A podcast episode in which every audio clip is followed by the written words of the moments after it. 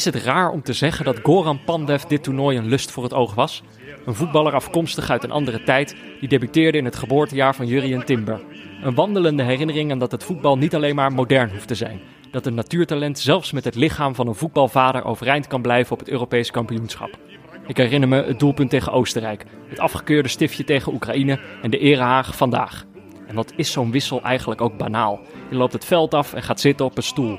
De schoonheid van voetbal rust uiteindelijk grotendeels op verhalen en herinneringen. En Goran Pandev, die heeft er een hoop. En de tranen komen langzaam. Heel Macedonië zegt Falati Gorane voor alles wat je hebt betekend de afgelopen 20 jaar. Ja, Jordi? Ja, Peter. Ik Het zit erop. Schreef al in dit documentje, ergens gedurende de, de, de 9 uur wedstrijden vandaag, schreef ik... Nou, zijn wij niet het grootste slachtoffer van het beste nummers 3 systeem? Eh, dat wilde ik eigenlijk zeggen. Maar En toen, eh, eh, en toen werd het hartstikke leuk. ja, dat is toch geweldig aan zo'n toernooi. Ik moet zeggen, de ideale mix tussen de niet-neutrale en neutrale variant vandaag, denk ik. Ik denk het ook, ja. ja het leek er een tijdje op dat, dat met al dat gereken en die schema's en van de, de beste nummers drie... Het is niet zo leuk, hè? Nou ja, ik, ik, ik, ik ben misschien gewoon niet slim genoeg ervoor. Misschien is dit dan het punt dat ik toch de juiste domheid begin te bereiken. Als, Nou. het, als het rekenen wordt, dan raak ik het gewoon kwijt. Het is natuurlijk jouw unique selling point, dus ik ga daar niet op, eh, op meeliften en zeggen dat dat ook mij overkwam. Maar ik kan je vertellen dat ik gedurende de wedstrijd, eh, gedurende de negen uur wedstrijden, even een DM'tje heb gestuurd naar Michel Abink, omdat ik het ook helemaal kwijt was. Als ik de, de virtuele tussenstanden zag, dacht ik, hmm, hier mis ik toch een factor Ja, waarom deze rekensom klopt. Zelfs de stand binnen een pool, daar snapte ik op een gegeven moment de criteria Nee, die was niet zo traditioneel. Want op het moment dat eh, de, het- de ene veel meer doelpunten tegen had, dat kon toch nog betekenen dat je op een derde plek stond. Maar kijk, wat dan wel weer hielp, is dat die op een gegeven moment eiste die wedstrijden gewoon weer alle aandacht op. En dan is dat rekenen ook gewoon niet meer nodig, voor mijn gevoel. Dan is zo'n wedstrijd gewoon leuk genoeg. Ja, en het zoveelste bewijs dat toch wel Lewandowski gestoord is. Het toetje moet op het eind. Want het toetje, dat is zorgt dat ik hier nu zit met, met Ja. hele hypegevoelens. En dat ik het idee heb dat ik de beste dag tot nu toe heb eh, meegemaakt. Ja, precies. Nu gaan we echt inderdaad met, de met de goede energie die podcast in. In plaats Ja, van dat we... Ja, zeker. Eh, nou ja, is natuurlijk wel een beetje een lastige aflevering voor mij. Misschien moet jij, misschien moet even jij, terugschakelen. ja, moet ik even toch... eh, maar dan moet jij misschien even uitleggen waarom het moeilijk is voor mij deze aflevering. Nou ja, eh, eh, Nederland heeft natuurlijk gespeeld. Ja. Dus ja, eh, ik heb het idee dat we Peter in een ontzettende jubelstemming gaan horen. In het niet-neutrale gedeelte. Nou, jullie weten inmiddels allemaal waar je dat kan vinden. Op vriendvandeshow.nl slash neutrale kijkers. ja. Daar gaat Peter zo, denk ik... Dan gaat die klomp weer op het hoofd. Dan gaat het Ik wou net zeggen, aan. er staat hier een hele stapel naast hem in de hoek. Vlaggetjes. Die heeft hij toch netjes uitgedaan voordat hij hier binnenkwam. Maar die zullen straks wel weer opgaan. Dus dat wordt hartstikke leuk sowieso. Dan gaan we altijd even naar de rectificaties. Yes. Eh, er zijn wat halve kleine rectificaties. Er zijn wat op- en aanmerkingen die ik toch eventjes wilde behandelen. Eentje vond ik zelf vooral heel leuk, want die is eigenlijk een beetje, ja, toch wel zo agressief zoals jij zelf ook uit de hoek kan komen. Die komt eh, eh, van eh Arnoud. Oh. Een kleine rectificatie bij jullie rectificatie, waarin jullie het hebben over de uitwisseling van scheidsrechters. Dat gaat in principe niet ten koste van een talentvolle scheidsrechter uit Europa, omdat deze dus dan naar de Copa America kan gaan.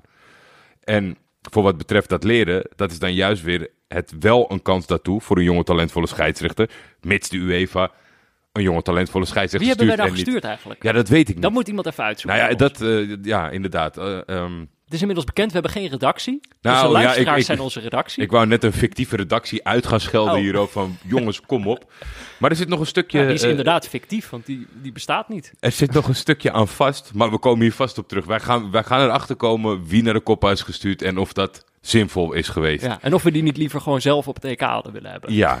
Maar komt ook nog even terug op de door jou gemaakte excuses naar iemand die we niet meer bij naam gaan noemen. Nee, ik dacht dat, is, ja, ik dacht dat we daar zand over hadden, dat die kous af was.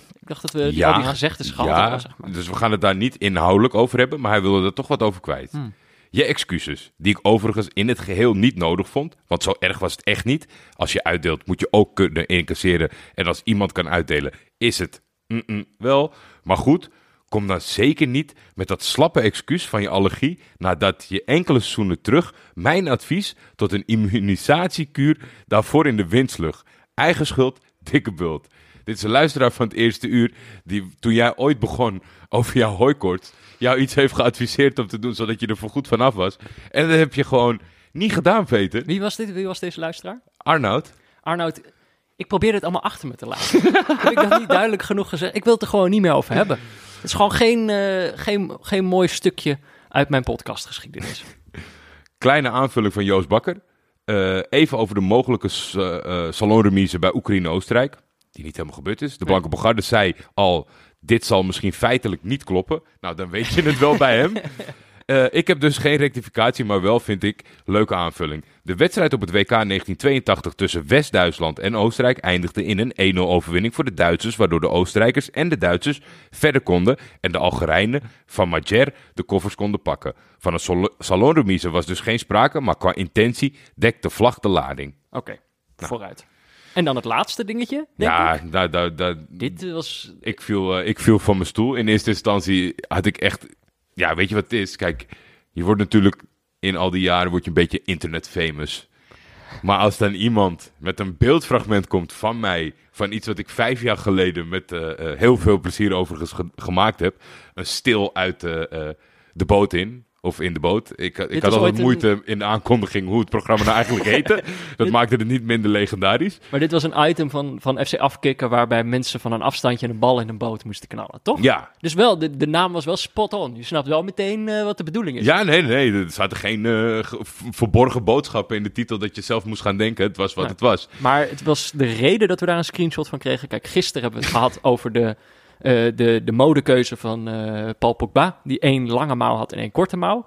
Daar werden we, of eergisteren hebben we het over gehad. Toen Kwam nog, ook, daar kwam nog een kleine aanvulling op. Dat Pogba had aangegeven dat hij last van zijn elleboog had. Dus hij had ook, zeg maar, net als de basketballers, wel gezegd eh, dat het een functie had. Oké. Eh, gisteren kregen we toen aanvullingen van luisteraars die zeiden... Daniele de Rossi heeft dit ook al ooit gedaan. Eh, die heeft deze trend ooit gezet. En toen kregen we dus deze, dit, dit screenshot van Jordi... die vijf jaar geleden een item presenteert... met één opgestroopte mouw en één lange mouw. Ja, Wie, wie stuurde dit? Dit is wel netjes om dat te zeggen, want ik vond dit wel echt... Nou, ik, ik kon er gewoon met, met, met mijn kop niet bij. Ik dacht, hoe kan je dit onthouden? Hoe kan je, hoe kan je dit terugvinden? En dat vroegen we toen ook aan hem. En toen zei hij... eh, ja, het was jammer genoeg niet dat hij dacht van... Shit, dat ken ik uit nou, maar ik vond het alsnog eh getuigen van veel scherpte. Want hij zei namelijk dat het gewoon voorbij kwam in zijn aanbevolen video's op YouTube. Jesse Marijn Vonk. En het, het kwam gewoon voorbij in die aanbevolen video's. En blijkbaar had, was ik toen wel scherp genoeg van geest om meteen te zien dat jij één korte en één lange mouw had. maar dit vond, ik, dit vond ik zo geweldig. Dat zijn van die dingen die dan... eh, Ik zal de foto morgen even op Instagram plaatsen. Dat, Nou ja. Ik, eh, ik, het was een hartstikke leuke herinnering. En Wietse van de Goot staat naast me. Kan ik ook altijd mee bluffen dat, dat Wietse naast me staat. dat, je, dat je... Wat is het? Nul handshakes away. Je hebt gewoon letterlijk die ene handshake met, met ja, iets eh, ervan. ik heb wel eens de hand geschud van Wietse. Maar we moeten door, Jordi, want Zeker we hebben we vier wedstrijden vandaag. Dat zijn er een hoop. Eh, en dan moeten we dus, eh, nou ja, dan moeten we, dan, moeten we, dan moeten we allemaal nog doorheen. Ik dacht, laten we gewoon dan beginnen met ons neutrale verslag van Nederland-Noord-Macedonië. Eh, een wedstrijd waarvan veel mensen lang dachten dat het niet echt meer ergens om ging. Nederland was natuurlijk al groepshoofd, maakte niet echt uit wat er zou gebeuren. En Noord-Macedonië kon het al niet meer redden. Ehm, maar uiteindelijk was dit natuurlijk de wedstrijd van Goran Pandev. Eigenlijk zijn afscheidswedstrijd, zijn laatste wedstrijd voor Noord-Macedonië. Ehm, er kwamen wat verhalen voorbij de afgelopen dagen over Ja. wat hij eigenlijk betekent voor het Noord-Macedonische voetbal en voor Noord-Macedonië als geheel. Ik zag een prachtig eh, draadje van Arja van den Berg. Zij is eh, journalist bij de VPRO, eh, maar zij is ook opgegroeid in Macedonië. Dus zij had een soort persoonlijk verhaal over Ja, toch Wat wat, Pandev betekent- betekent. wat Pandev betekent, maar Ja. ook eigenlijk gewoon... eh, kijk, je, je krijgt gewoon ook weer niet zoveel te horen over zo'n land... buiten wat ze voetballend eh, op de mat leggen gedurende zo'n toernooi. Mhm. Dus zij gaf ook wel wat achtergrondverhalen waarom, waarom dat eh, nu Noord-Macedonië heet. Ehm, nou ja, dat raadje zelf kan je gewoon lezen, zullen we wel in de show notes zetten. Ja, en één iemand had vanochtend blinde paniek. Waarschijnlijk iemand werkzaam bij de KNVB. Die o- tevens naar deze podcast luistert. Ja, die dacht, shit, we moeten een goed eh, afscheidscadeautje eh, verzinnen. En jij zei gisteren, nou, ze, ze zullen hem wel een oranje shirtje met Pandev achterop geven. En wat kreeg hij? Ja, een oranje shirtje met de Pandev achterop. Ja, ik, ja, ik zat, Beter ik, dan zat- niks. Ik zat helemaal niet op te letten. En ik dacht, hè?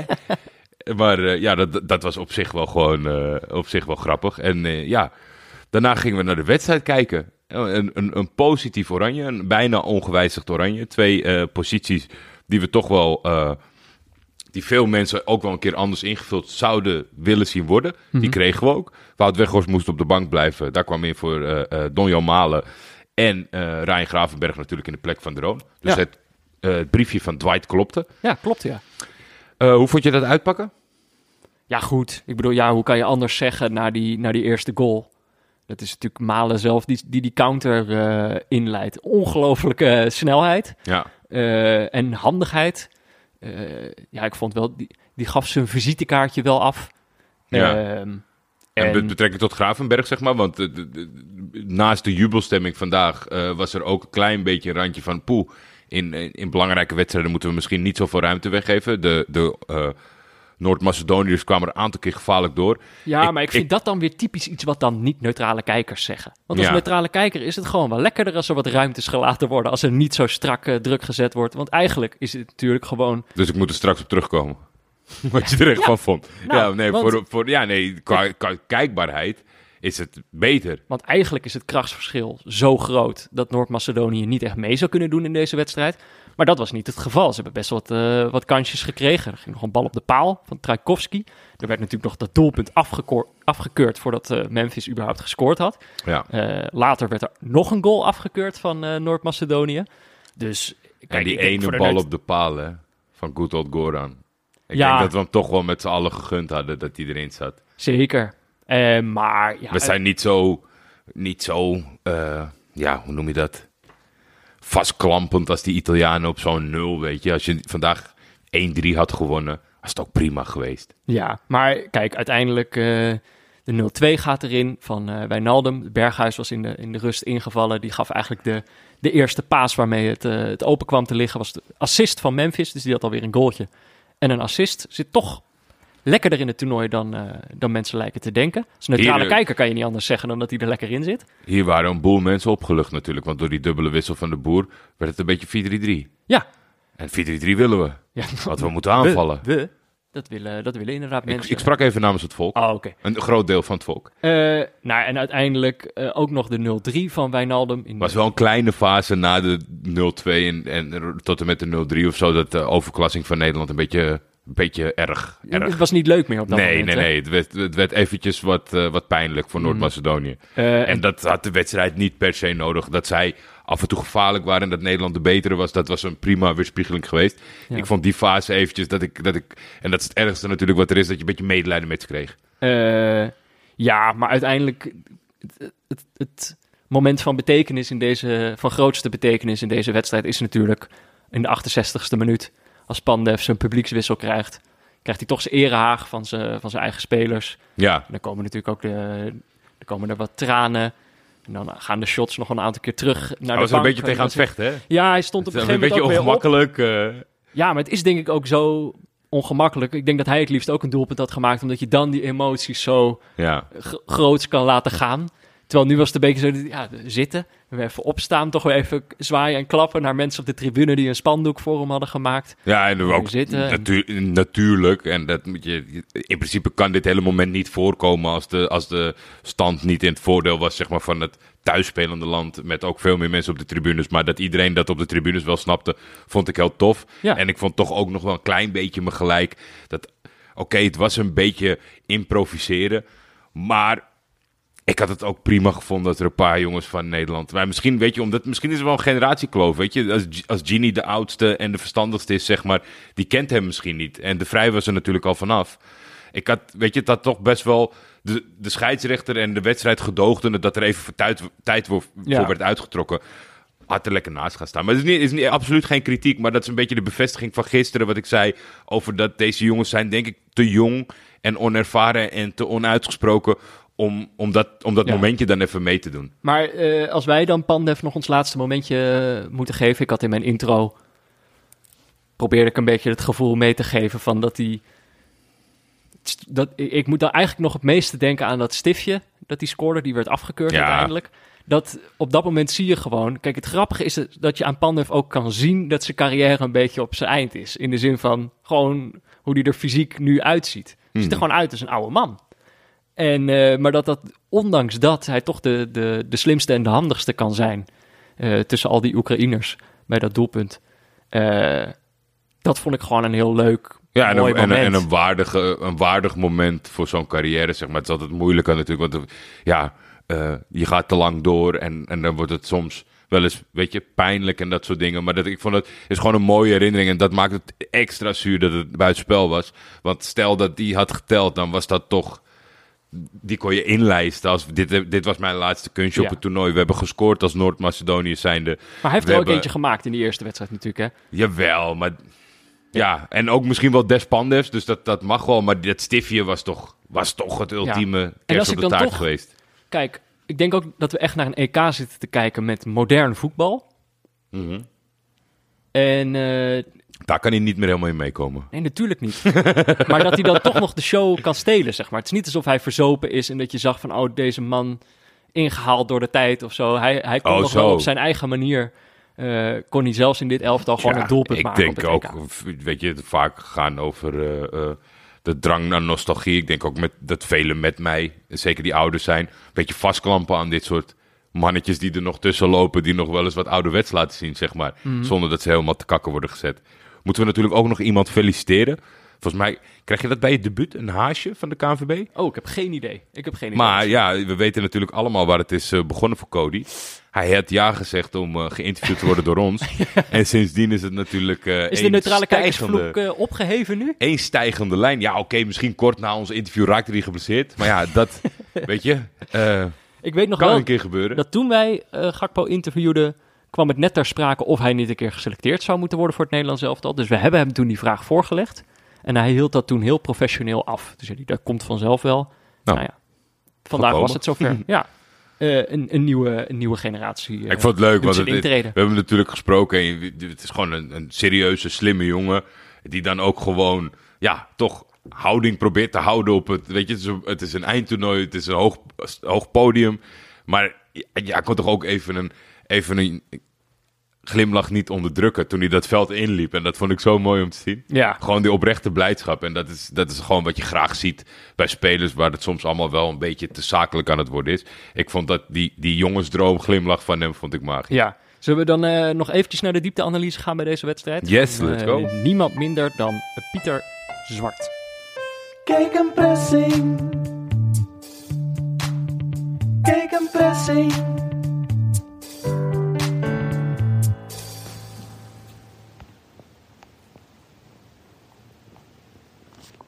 Laat je niets wijsmaken door mopperende mensen op tv. Nederland is de ideale ploeg voor de neutrale kijker. Op het moment dat ik deze minuut opneem, kan objectief gezien niemand aan het spektakel van Oranje tippen.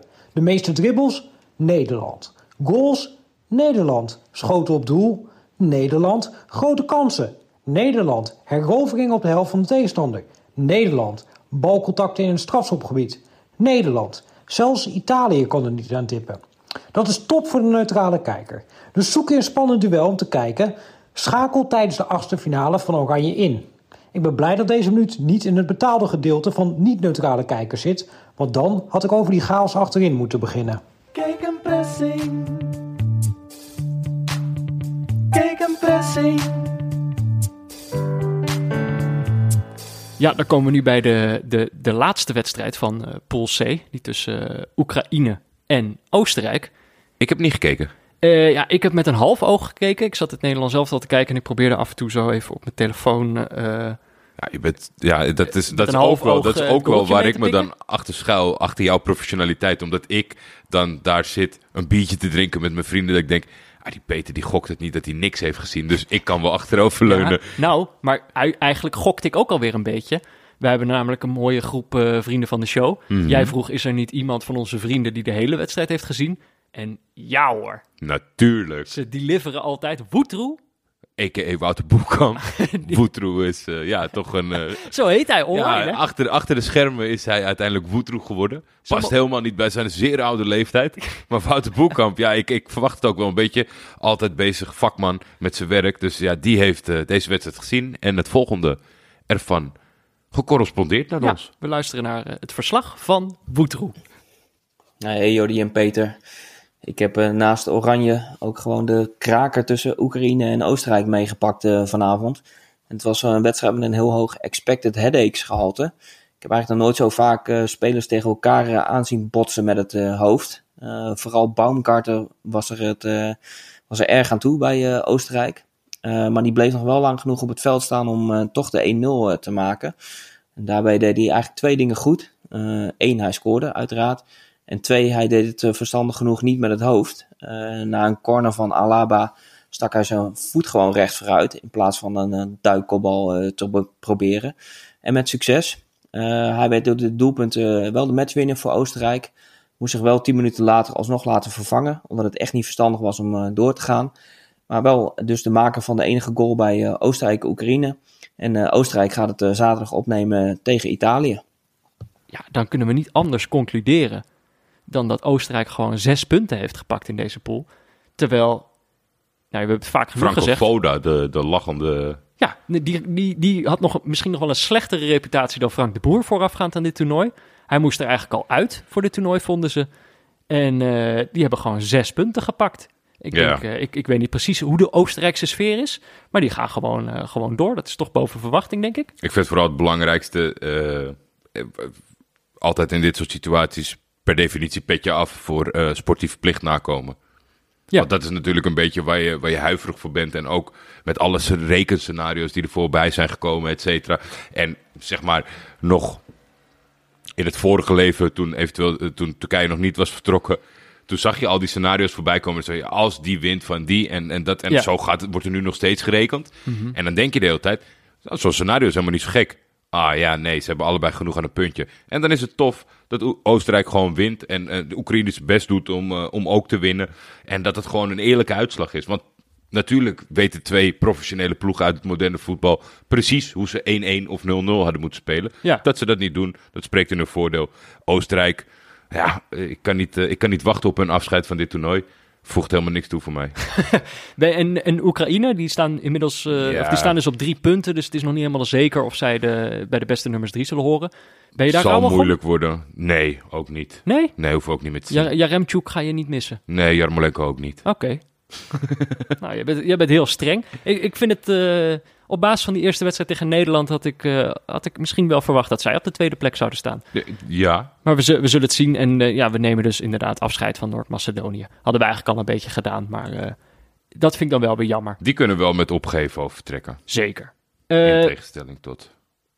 tot de ploegen waar we het nu over gaan hebben. Nee, nee, nee, Oh. nee, nee, tot de ploegen die al thuis zijn bijvoorbeeld. Ah. Ook al is dat er maar één. Ehm, Ga door. Pool B. Ja, daar speelden eh, natuurlijk Finland en België tegen elkaar en Rusland en Denemarken. En dit waren dus twee wedstrijden waarbij ik in de eerste helft dacht... Ja, wat is dit nou? Moeten we Ik dacht, zijn dit de salon? Moeten we dit een beetje proberen door elkaar te doen? Gaat, eh, gaat dat... Gaat dat eh, ja, ik, weet denk- niet meer precies, ik weet niet meer precies wat, wat wanneer gebeurde. Want uiteindelijk die tweede helft eh, hebben wij in dezelfde ruimte zitten kijken. Zat ik op mijn eigen laptopje te kijken naar Finland-België. En jij op de televisie naar, eh, naar Rusland-Denemarken. Ja, maar ik denk in ieder geval in het begin, als je gaat kijken, eh, eh, België Ja, nou, was team roulatie, noteerde jij? ja die eh Trossard stond nu op de rechtsback. in plaats van Meunier. Chatli stond op linksback. Die hebben ze ook nog steeds, blijkbaar. De ster van Başakşehir. De, de Naja kreeg wel weer een kans natuurlijk na het debakel tegen, tegen de Denen. Ja. En Jeremy Doku kreeg een, een basisplaats. En daar keek ik naar uit. Dat is toch een speler die, die een hoop kan. Maar ik heb het in deze wedstrijd, eh, eerste helft in ieder geval, niet echt gezien. Het was echt... eh, Wat was het spelbeeld, zeg maar? Was, gingen de Belgen ervoor? De Belgen zijn natuurlijk Nou. beter, maar het kan ook zo zijn dat ze zonder enige aanvallende intenties meer balbezit hebben. Zeg Nou maar een beetje Spanje-achtig. Kijk, België was er natuurlijk ook al. En dat Ja. kon je gewoon wel zien. Dus het was gewoon niet eh, tot het gaatje gaan. België heeft dat natuurlijk de eerste wedstrijd ook al tegen Rusland gedaan. En nou ja, weet je, wij kunnen het ook blijven aanhalen. Maar dat is dit, toch ook weer wat anders dan eh, Team Rust of Team Flow. berekenend voetballen. Die Belgen Ja. die gingen even eh, goed van start tegen de Russen en daarna vonden ze het wel gesneden. En ja, ik denk ook dat die mentaliteit, dat je de hele tijd denkt van... hoe voorzichtig, mijn stamina gaat bijna op, want ik moet straks nog een ronde. Die gaat je opbreken op het moment dat, dat een ploeg die helemaal tot het gaatje elke keer gaat... en, en weet je, er lekker in zit. Zoals toch wel, denk ik, voor de jongens zelf, bijvoorbeeld in Nederland en Italië, eh, eh, zo meteen de Denen, die, die toch een, weet je, een enorme boost kregen door Ik denk dat het mentaal veel beter is. gaan. Ja, Ja. mentaal is het veel beter om iedere keer tot het gaatje te gaan, denk ik. Ja. Maar ik, ik had inderdaad daarover ook een beetje het, het gevoel dat, het, dat plotseling de werelden weer omgekeerd zijn.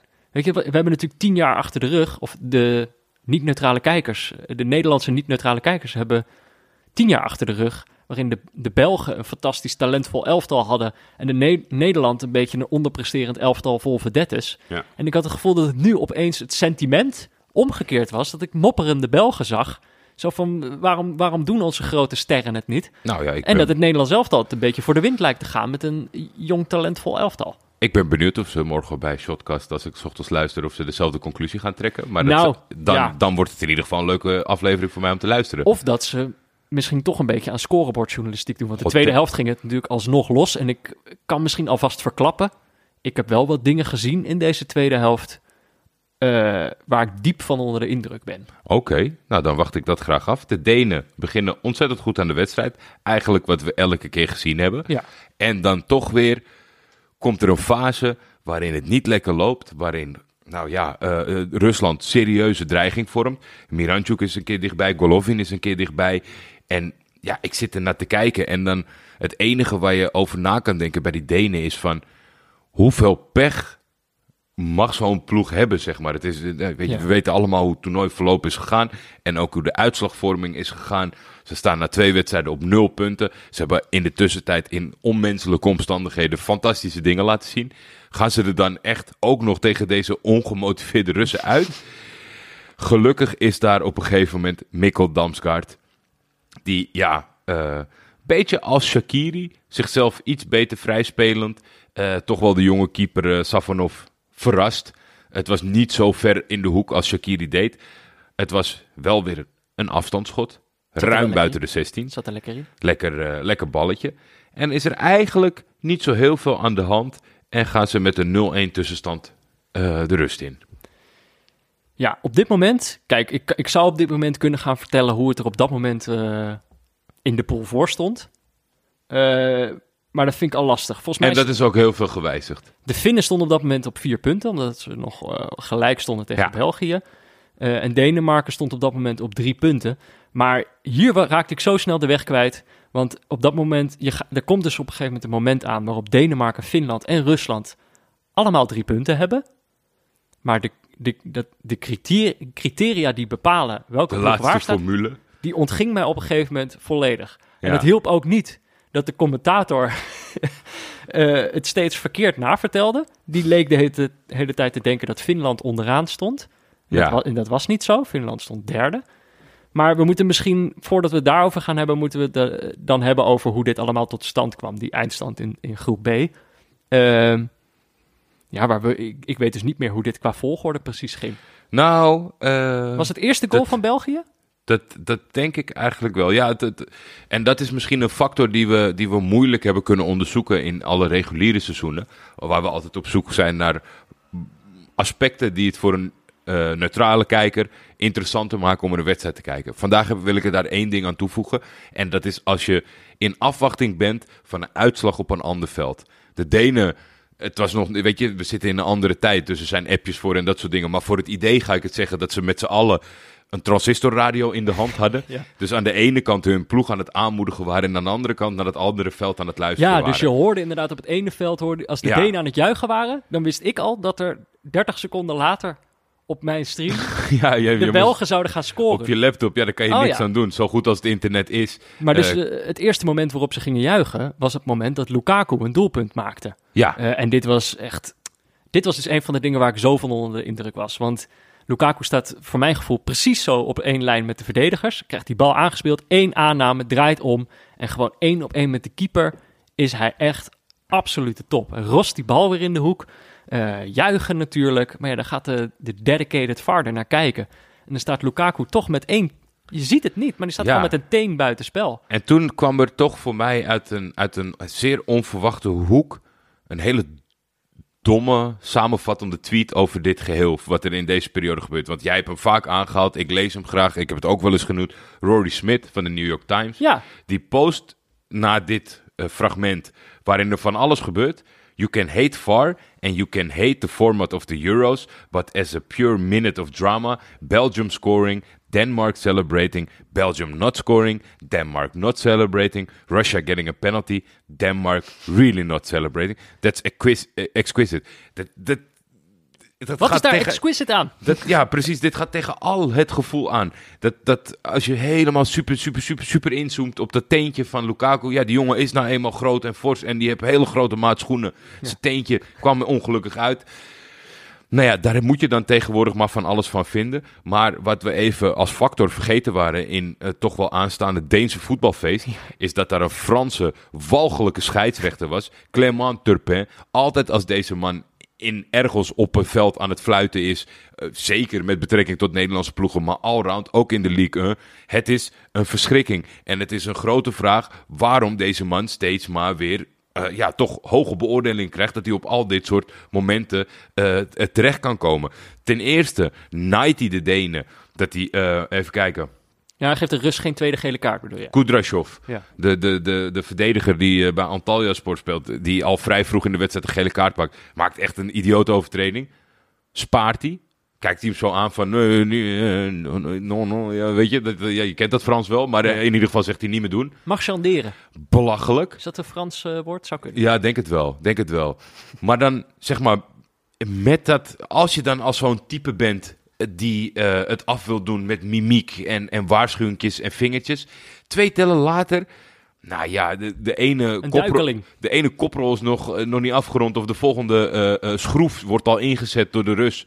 En ze krijgen een penalty De van deze clown. Ja, Van maar dat Dead- Deadpool Juba. en dan heb je nog zoiets dat je toch wel op een of andere manier is toch wel een soort van voetbalgod die achter gerechtigheid zit. Dus een hele onterechte penalty wordt vaak toch, voor mijn gevoel, toch net iets vaker gemist dan een, dan Ja. een terechte penalty. Ja.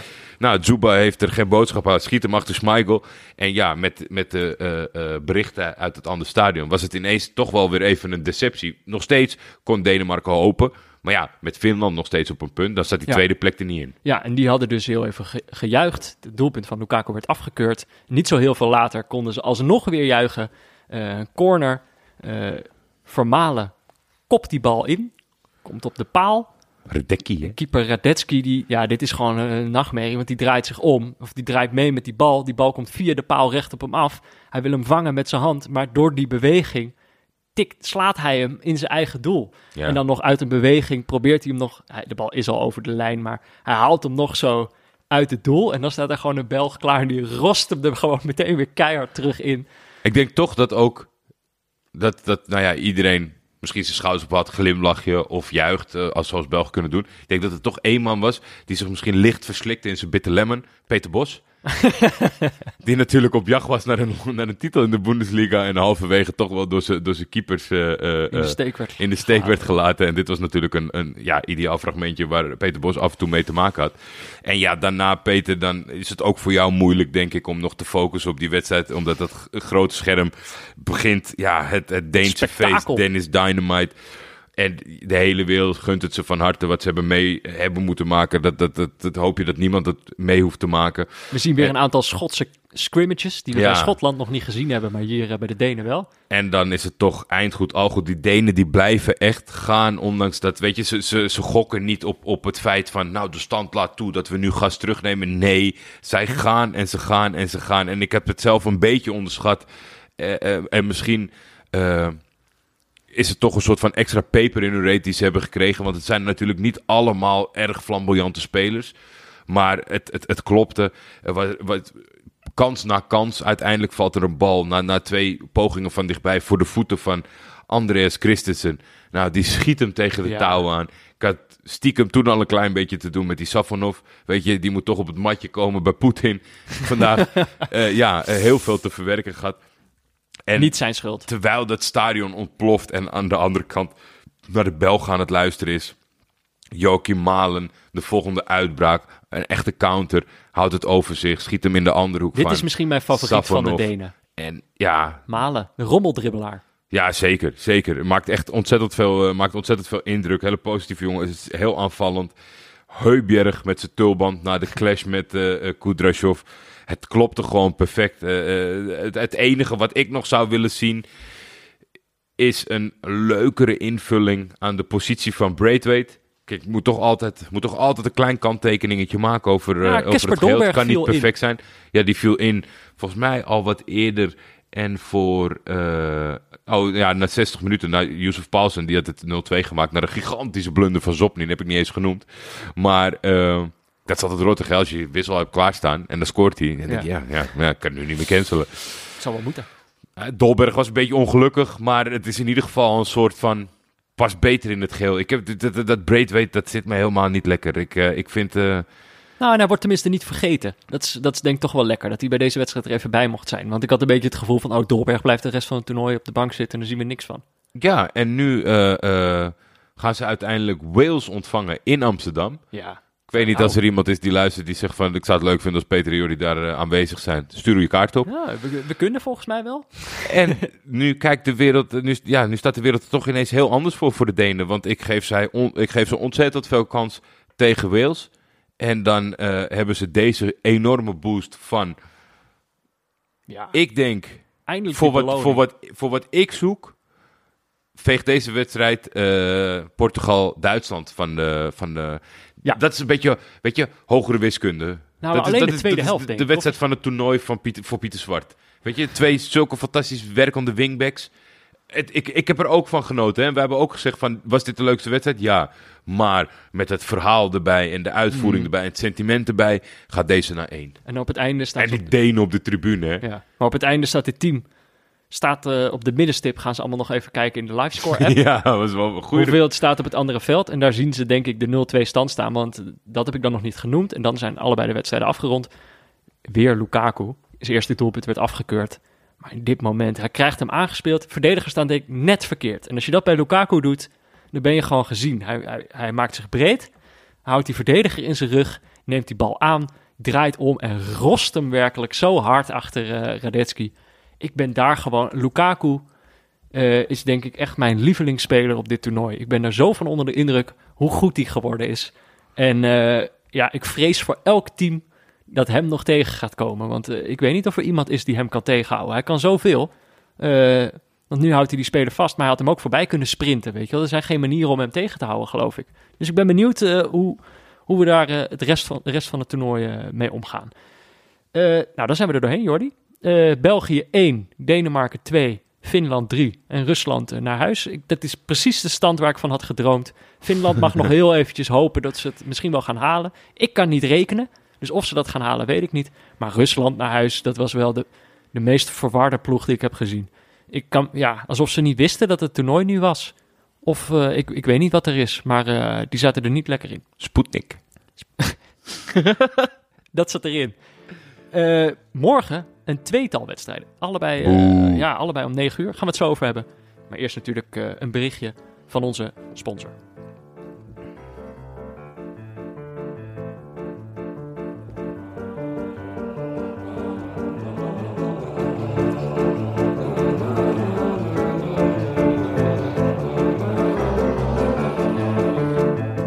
Ja, want ook deze aflevering van Neutrale Kijkers wordt natuurlijk mede mogelijk gemaakt door Auto.nl. Auto.nl heeft deze zomer het perfecte autorijnummer laten maken door Tim Knol. Eh, maar de Neutrale Kijker die zit natuurlijk vooral thuis op de bank voetbal te kijken.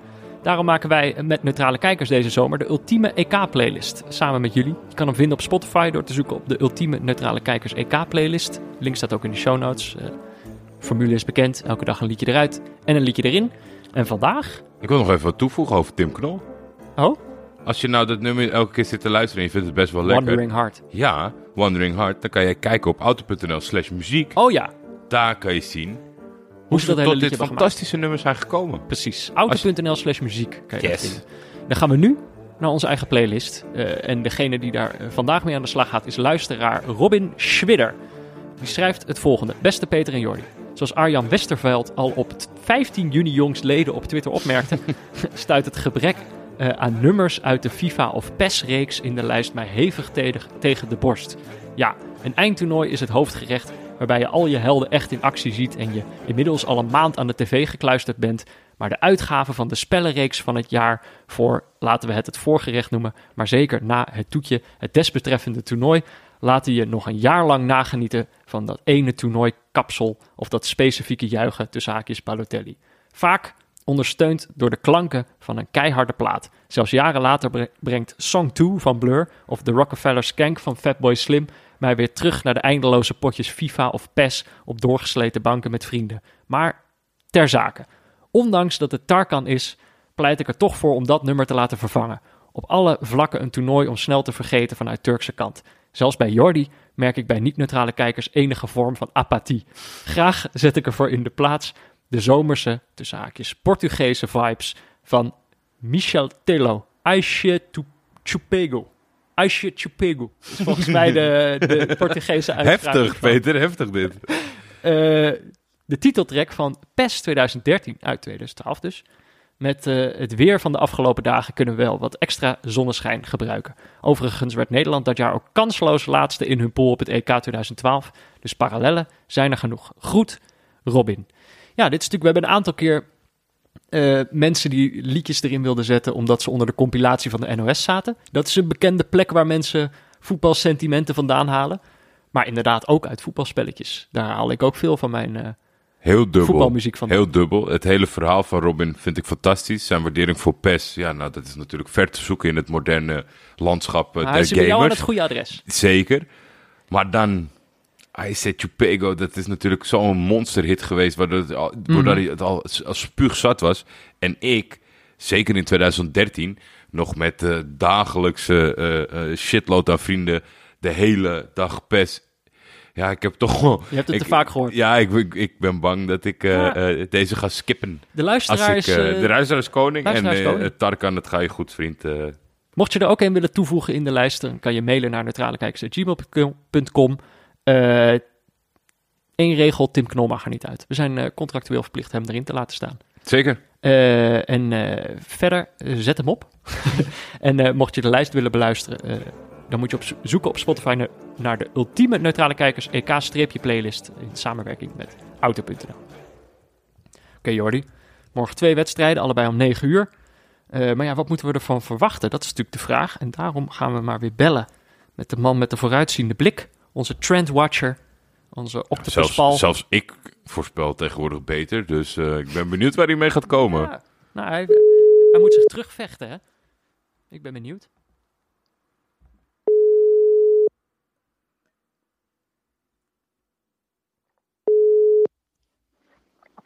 Hey jongens, Hey, hallo, goedenavond.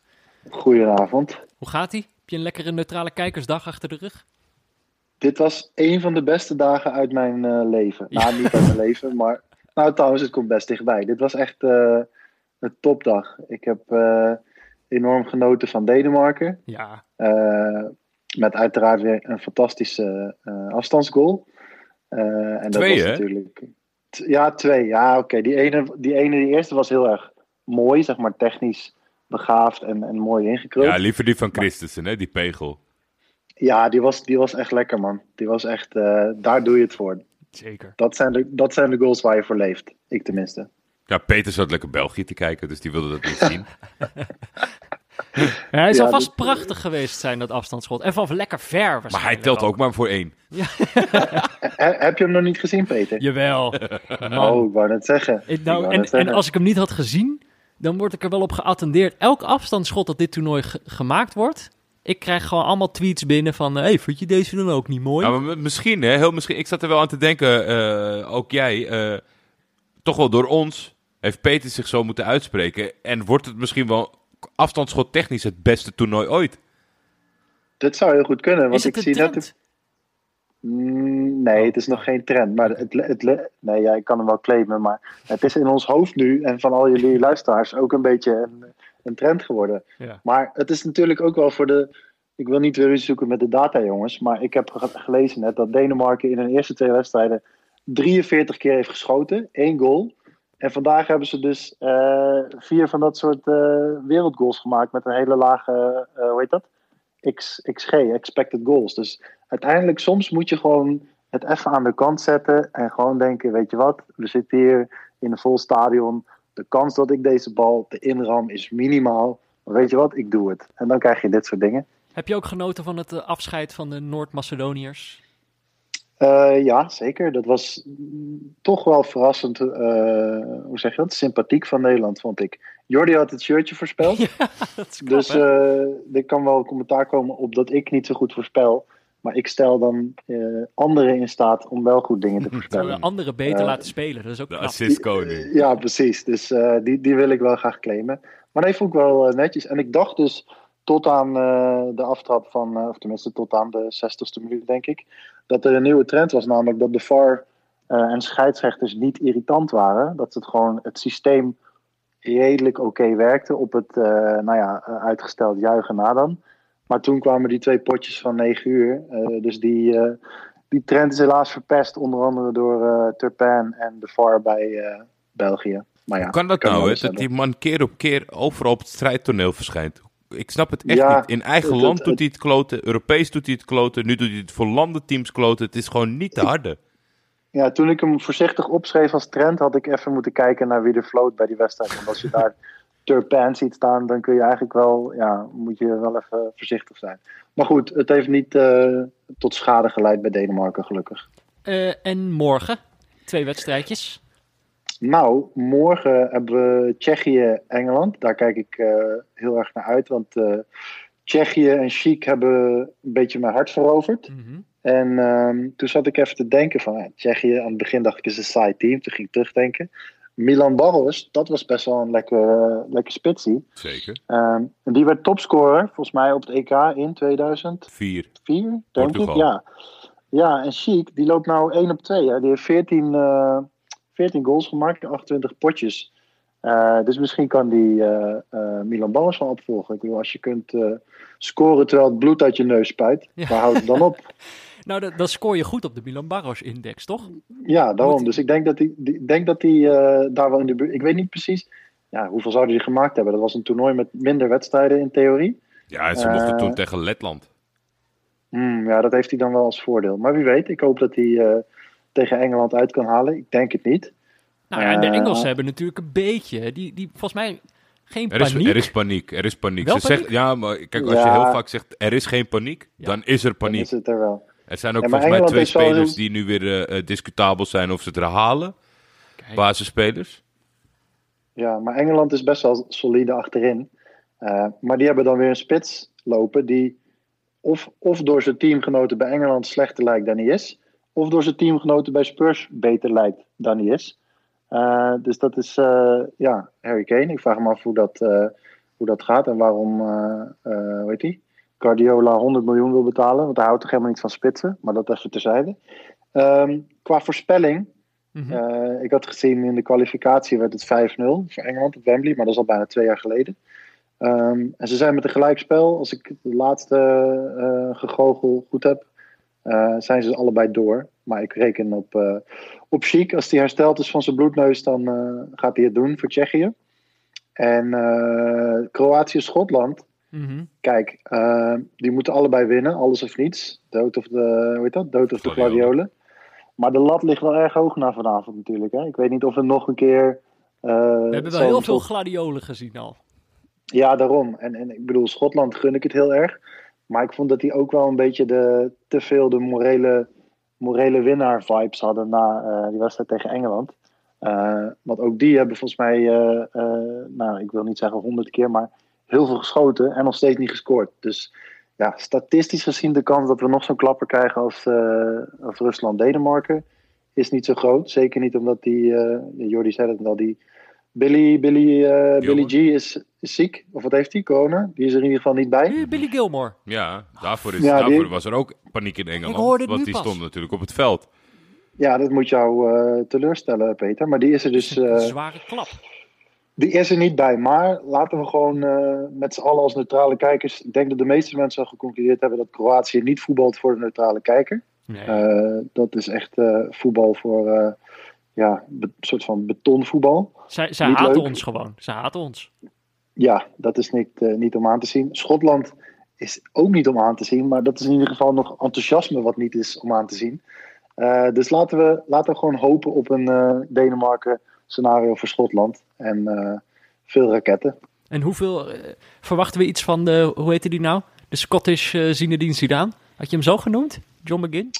Ja, John McGinn. De, de, ja, ik weet niet. Hij was niet, eh, hij was niet heel sterk volgens mij vorige wedstrijd. Nee, Eh, ik gaf niet echt thuis. Maar dat, was, dat kwam door die domme scheidsrechter die hem na 10 minuten geel gaf. En het is wel iemand Ja. die vaak het randje opzoekt.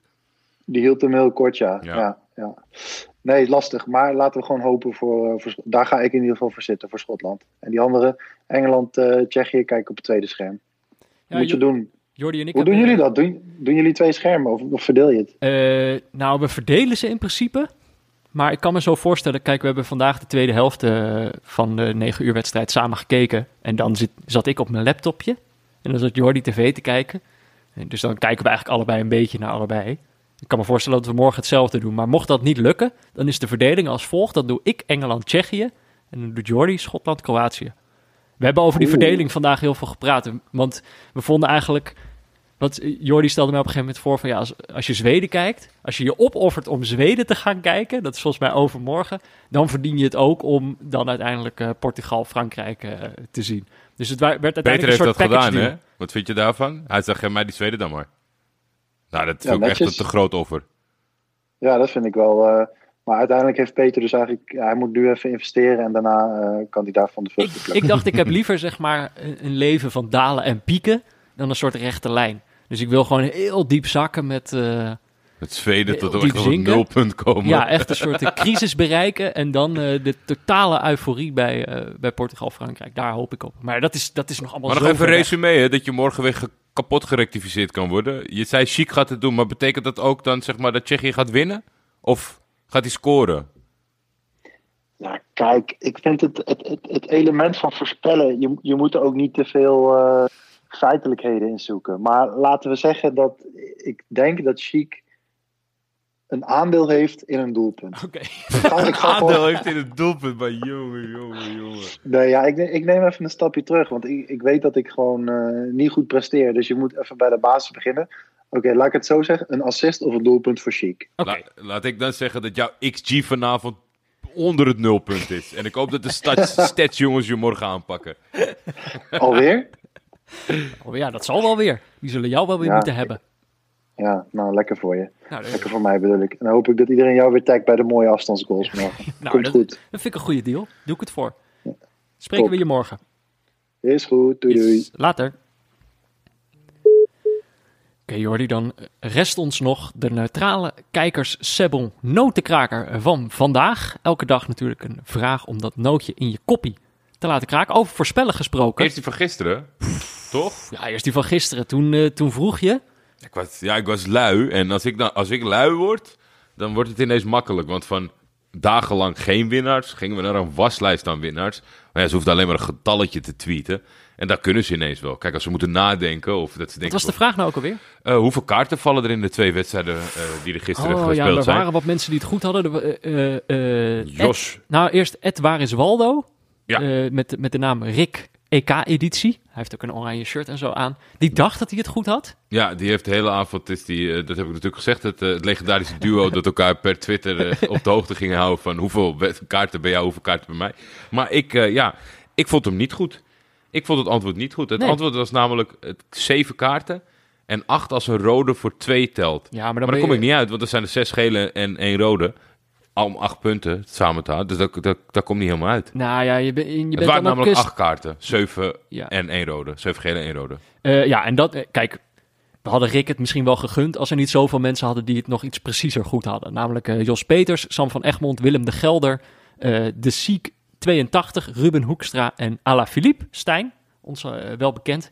Eh, Hij maar de- ook wedstrijden die niet van Spanje zijn. Ja, nou. Verbaast mij. Dat siert die jongen. En hij, eh, bij hem was het ook wel grappig, want hij had eerst 7 gezegd. En toen zei hij, nee, wacht, 8, want iedereen zegt 7. Dus hij is wel tactisch, maar dan weer net niet tactisch genoeg. Want de Om winnaar, er wat leuks aan te koppelen. want de winnaar is Erik Berendsen. En die wint, want hij voorspelde, eh, hij voorspelde de 8 kaarten en één rode kaart voor Wales. En dat was, ja, precies goed. En hij heeft het ons op vele kanalen laten weten, zodat het ons niet kon ontgaan. Dus Erik Berendsen, die krijgt een lekker zakje noot opgestuurd. Moet hij dan jou... Ja, ik ga er nu voor zorgen, want als je, als je gerectificeerd wordt, vind ik het een stomme rectificatie. Hij zei acht kaarten, waarvan één rode voor Wales. Ja, Je zijn net acht gele kaarten en één rode kaart Oh, voor Wales. Dan sorry. heb je er weer één te veel. Nee. En het zijn super saaie rectificaties. Dus Ik zei het voor verkeerd. het eerst hier een live rectificatie van jouw podcastpartner.